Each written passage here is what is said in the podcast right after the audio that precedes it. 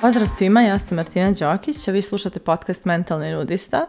Nalazimo se u epizodi 38, sezone 3 i u ovoj epizodi govorit ću malo o tome koliko košta novac koji izrađujemo, odnosno da li taj novac koji izrađujemo, a svi manje više izrađujemo neki novac da bismo od njega živjeli, da li je on jako skup ili je prilično lako i lijepo zarađen. I govorit ću o nekim faktorima koje možemo da mjerimo pa da vidimo koliko košta taj naš novac. inspiraciju za ovu epizodu pronašla sam u nekim dešavanjima u svom okruženju od strane mojih bliskih ljudi koji u posljednje vrijeme prave neke svoje karijerne okrete, donose neke krupne odluke, napuštaju neka okruženja im više ne prijaju i baš onako posmatrajući te njihove procese vidjela sam koliko je tu kalkulacija i pitanja i preispitivanja i sumnji u to šta je tu pametno, šta nije. I baš mi je onako bilo zanimljivo sagledavati i te strahove koje prolaze, ali i te argumente koji su, koji, koji sada koriste da bi su napravili promjenu i koliko su ti argumenti zapravo nekako validni kada, ne znam, bar iz moje perspektive. I prije svega kada je u pitanju novac koji izrađujemo, e, dosta se vjeruje i smatra da se u taj novac najviše ulaže vrijeme. Odnosno da mi određene sate ulažemo da bismo zaradili određeni novac. Međutim, to odavno nije više tako, zato što odavno poslovi nose sa sobom puno više od toga da mi samo neko svoje vrijeme u njih ulažemo jer nekada, evo ja se sjećam kada sam bila mala, pa moja mama lijepo dođe u tri sa posla i niti ima mobilni, niti ima kompjuter, niti ima neke odgovornosti koje je ponijela sa sobom kući, niti je cijeli dan provela na poslu i samim tim prosto posao je ostao na poslu, ona je došla kući i ona je sada mirna do sutra kada opet ne ode u firmu.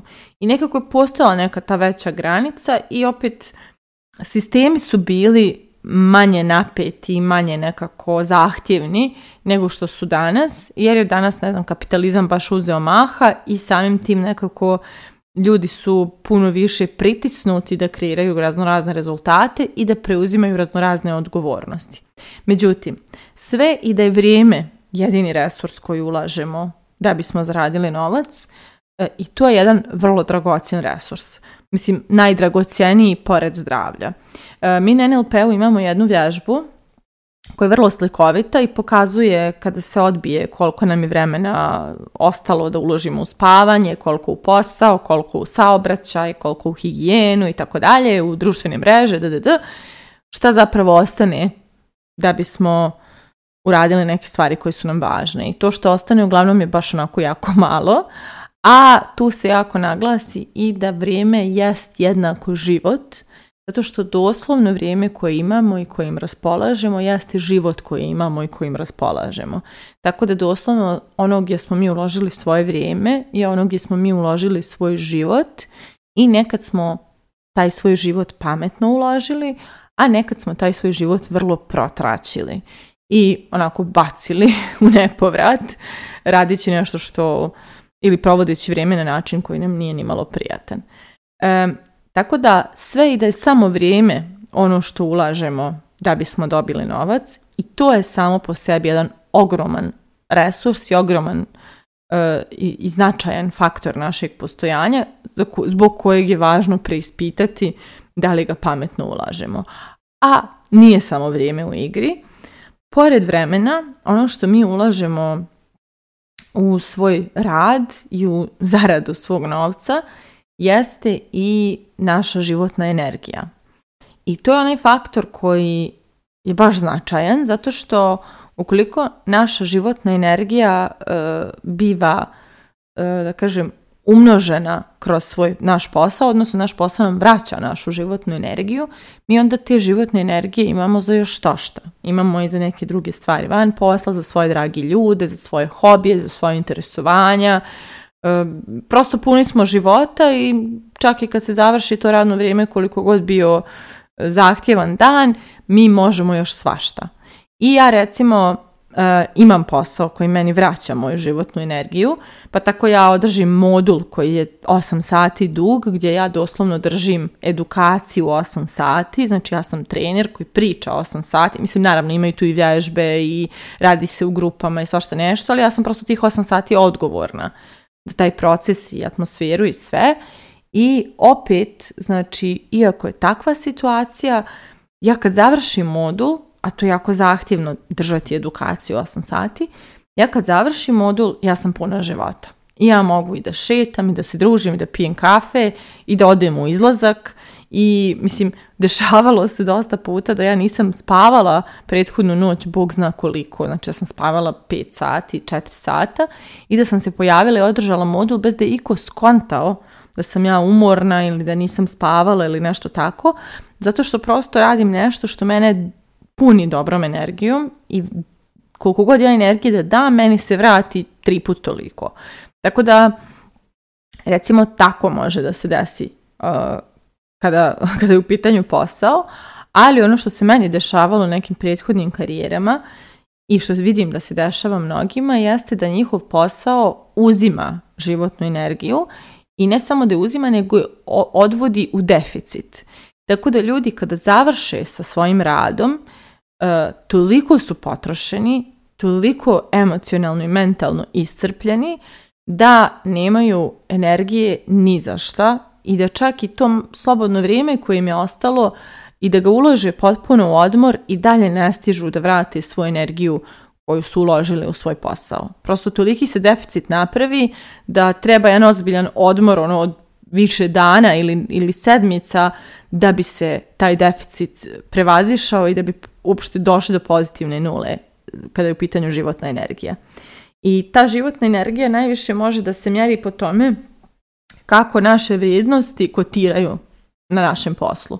Odnosno, eh, da li stvari do kojih mi držimo u životu su zastupljene i na našem poslu ili ne da nisu zastupljene, nego su i ugrožene na našem poslu.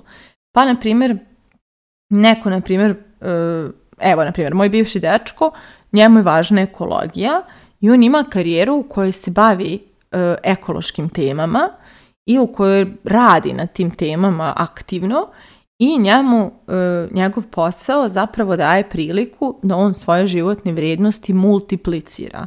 Znači te svoje životne vrijednosti pretvori u projekte koji će da naprave neki pomak u tom njemu važnom polju i da samim tim on zna da je svoj život to jest svoje vrijeme, uložio u nešto što je njemu bitno.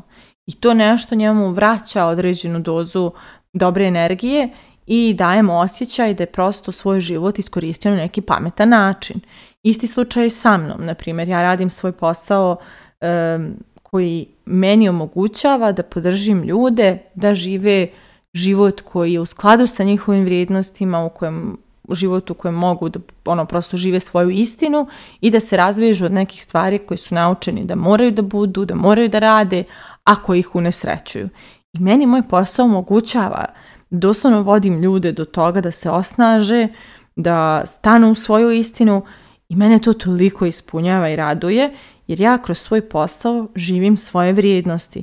I ne samo da živim taj doprinos, rast, vjeru ljude i tako dalje, ja živim i neke druge vrijednosti koje su meni važne poput kreativnosti, slobode i svačega nečega, jer sam napravila sebi kroz ovaj posao i život u kojem ne moram da radim 8 sati svaki dan, ne moram da broj, niko mi ne broji slobodne dane, nemam granicu plate do koje mogu da stignem i to je tako i bit će tako cijelu godinu, nego prosto imam neke širine mogućnosti koje mi daju i slobodu i prostor da ja neke svoje kreativne ideje izrazim i slobodno vrijeme što je meni jako važno da mogu nekako i da brinem o sebi, da se posvetim nekim drugim bitnim stvarima.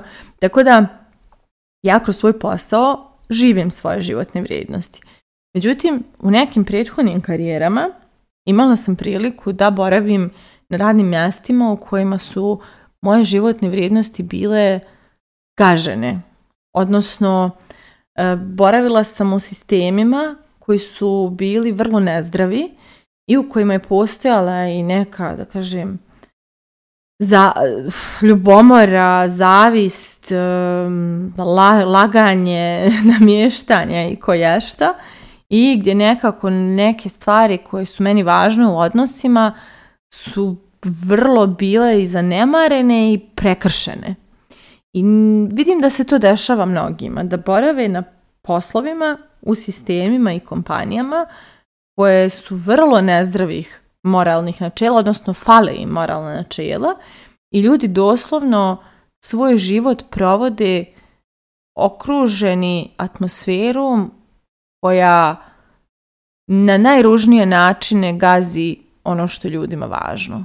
Znači i to je jako, jako teško podnositi i u takvim sistemima ljudi jako puno svoje energije gube i paralelno sa energijom jako loše se osjećaju, ulaze u jako loše emocije, jer njihov unutrašnji kompas je toliko poljuljan i napadnut od strane tog sistema, da, ljudi mogu da obole od toga. To je toliko nezdravo da kada mi, kada, kada boravimo u okruženju u kojem su naše vrijednosti konstantno gažene, mi doslovno možemo zdravstveno da nastradamo. I to ne samo mentalno, nego i fizički.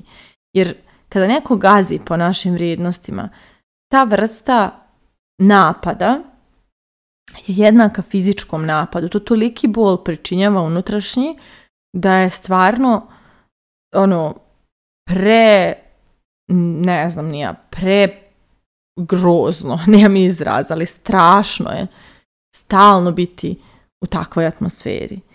I baš od toga zavisi koliko ćemo životne energije da imamo da li će naš posao da nas napuni dobrom energijom, da mi posle toga odemo, živimo svoj život puni, poletni, inspirisani, do, u dobrom stanju, zdravi, ili ćemo nakon tog posla da se osjećamo kao iscijeđena krpa ili kao izgaženi otirač koji sad ode kući da proba da ono dođe sebi jer je potrošen i baš to kakva, kako naše vrijednosti kotiraju u sistemu u kojem smo, baš od toga zavisi e, kako, će, kako će to stanje naše da bude.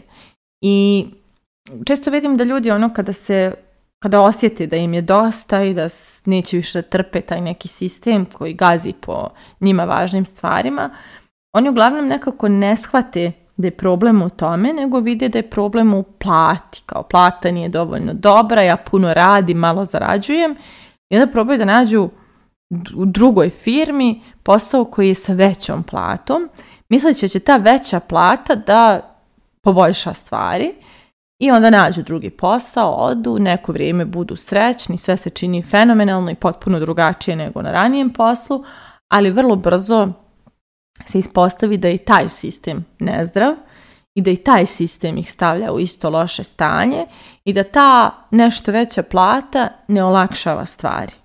Zato što nije poenta u tome koliko zarađujemo, nego je poenta u tome koliko plaćamo to što smo zaradili.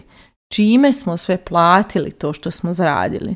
Jer ako smo to što smo zaradili platili i svojim zdravljem i svojim dobrim stanjem i svojim živcima i svojim životom, odnosno vremenom koji smo u to uložili, onda to je preskup novac. Koliki god taj novac bio. To mogu da budu milioni. Ako mi nismo dobro, mi nismo dobro. I to je to. Znači, nema tu dalje diskusije. Ne, nebitno je koje su pare u pitanju. Tako da, ovaj, baš je to onako perspektiva na novac koju ljudi često ne uzimaju u obzir, nego se uglavnom bave kalkulacijom visine tog iznosa, a džaba, ne znam kolika da je visina ako smo mi iscijeđena krpa, mi taj novac ne možemo ni u, slast da trošimo. I onda i kad odemo na odmor, taj odmor, ono, ne, ne stignemo da se opustimo, nervni sistem nam je toliko istrigerovan i u haosu od posla, da tih 7-10 dana odmora nisu ni dovoljni da mi izađemo iz, iz osjećaja preživljavanja i da uđemo u neko stanje mira. E, tako da ako mi zarađujući svoj novac ne stižemo da imamo život u kojem njegujemo sebe, svoje vrijednosti i u kojem prosto imamo stil života koji je zdrav po nas, mi onda taj novac stvarno preskupo plaćamo. I stvarno, ok, da, svi imamo račune, svi imamo troškove, ali zaista postoje načini da se taj novac jeftinije plaća ili da se čak lako i sa uživanjem zaradi. I znači, ja sam taj način para pronašla, sama sam ga našla. Znači, nije mi niko, nemam ja nikog u kući koji je meni pokazao put, nemam uzora ni jednog.